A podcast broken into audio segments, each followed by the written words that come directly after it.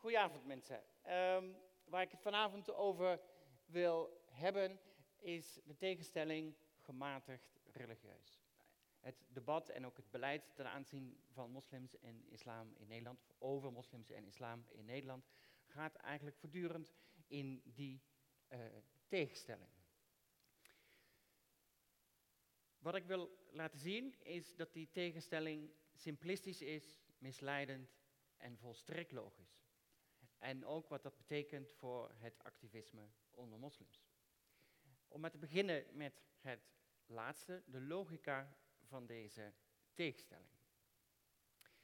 Die tegenstelling, gematigd radicaal, is eigenlijk vrij oud en komen we in verschillende varianten door de geschiedenis heen tegen in Nederland. We zien het al 17e eeuw, toen er kleine groepen moslims, onder andere hier in Amsterdam, um, waren. We zien het voornamelijk ook in de koloniale tijd, in het bijzonder uh, de tijd dat Nederland Indonesië bezet hield. En het vraagstuk is dan eigenlijk voortdurend, zijn die moslims wel loyaal aan het Nederlandse gezag? Het idee is dat uh, moslims die hun, uh, uh, hun islam gekoppeld hadden aan revolutionair gedachtegoed, dat die niet loyaal waren en dus gevaarlijk waren en dus moesten die in toom gehouden worden. Terwijl de moslims, zeg maar de inheemse moslims, um, een wat minder politieke revolutionaire variant van islam erop nahielden en die waren dus in tegenstelling tot de eerste groep wel acceptabel. Ik zeg acceptabel, ze waren natuurlijk nog steeds ondergeschikt aan het Nederlandse gezag. Dat veranderde niet. Heden ten dagen komen we die tegenstelling acceptabel, onacceptabel, dus vooral tegen in de variant gematigd radicale islam. En die zien we dan in het integratiebeleid en het radicaliseringsbeleid. In het integratiebeleid is het idee dat uh, buitenstaanders die zich in Nederland bevinden, zich moeten aanpassen aan de Nederlandse cultuur. Waarbij er natuurlijk geen overeenstemming is over wat die Nederlandse cultuur dan is, maar dat terzijde. Um, het idee is daarbij dus dat die moslims buitenstaanders uh, zijn en dat men zich kan aanpassen door er een gematigde islam op na te houden, door een gematigde moslimidentiteit te claimen. Daarnaast komt hij ook voor bij het antiradicaliseringsbeleid. Het idee daarbij is dat er moslims zijn, vooral jonge moslims zouden dat dan zijn, die hun islam zouden koppelen aan een legitimering of aan het gebruik van politiek uh, geweld en de anderen die dat niet uh, zouden doen. Um, met die laatste moet dan samengewerkt worden, die eerste moeten bestreden worden. Nu is het zo dat zeg maar, in tijden van onzekerheid en van angst, zoals we nu hebben met de aanslagen tegen eh, moslims, aanslagen door moslims ook in Europa, eh, dat mensen houvast zoeken. En daar is die tegenstelling gematigde islam en radicale islam uitermate goed uh, geschikt voor. Uh, ten eerste is er namelijk het idee in beleidskringen, ook in veel debatkringen, dat we moslims niet allemaal over één kam moeten scheren. Dus dat we een onderscheid moeten maken tussen degenen die gevaarlijk zijn en degenen die dat niet gevaarlijk zijn. Dus die tegenstelling, gematigd radicaal, is onder meer bedoeld om stigmatisering te voorkomen. En daar doet zich een interessante paradox voor, want die tegenstelling wordt namelijk nooit gebruikt, of slechts zeer zelden gebruikt, voor mensen bijvoorbeeld die een brandbom gooien in een moskee. Of en mensen die met een busje inrijden op een groepje moslims. Dan gebruiken we eigenlijk zelden het label radicaal bijvoorbeeld. dus we willen stigmatisering voorkomen, maar we gebruiken wel de term radicalisering bijna exclusief voor, voor moslims.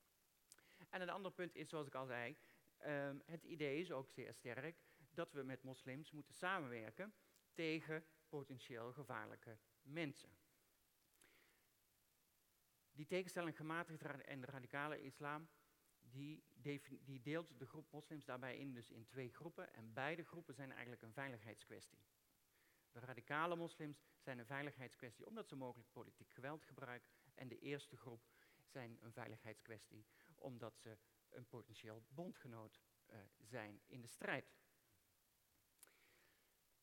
Natuurlijk zijn er ook onder moslims mensen die die positie opnemen. We hebben mensen die stellen, ik ben een gematigde uh, moslim.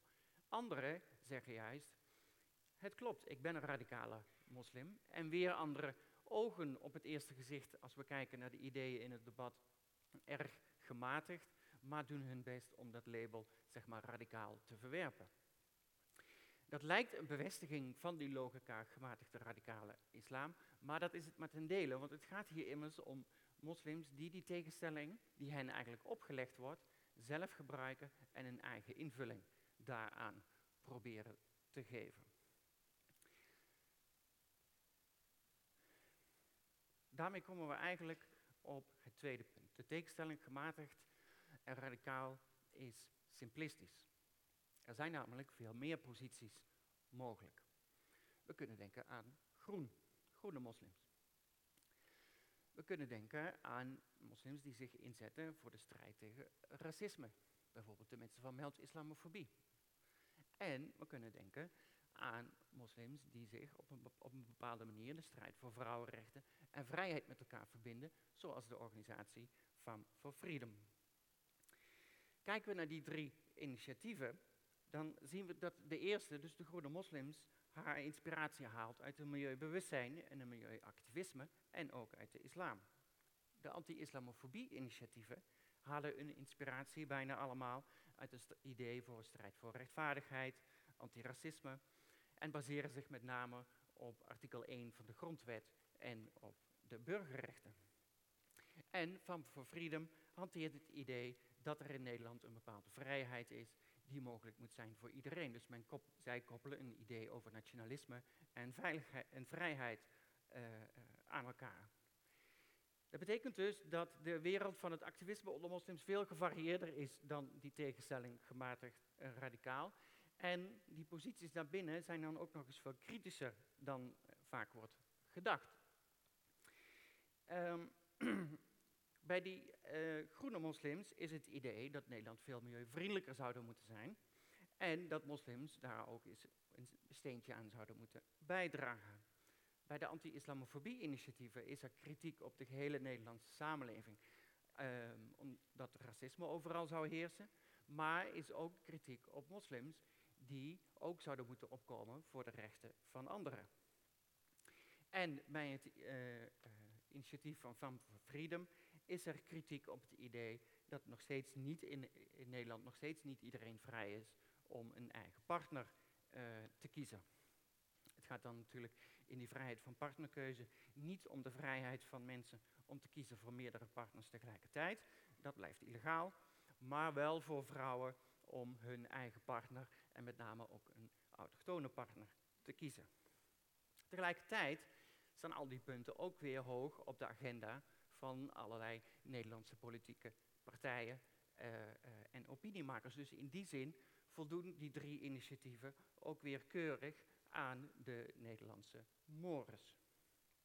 En zeker bij de eerste twee, dus de groene moslims en de anti-islamofobie-initiatieven, gaat het ook om het pleidooi dat moslims hun islam serieuzer zouden moeten nemen en dus milieuvriendelijker of antiracistischer zouden moeten worden. Daarmee komen we eigenlijk op punt 3. De tegenstelling gematigd radicaal is misleidend. We reserveren de term radicaal namelijk vooral voor degenen die geweld gebruiken.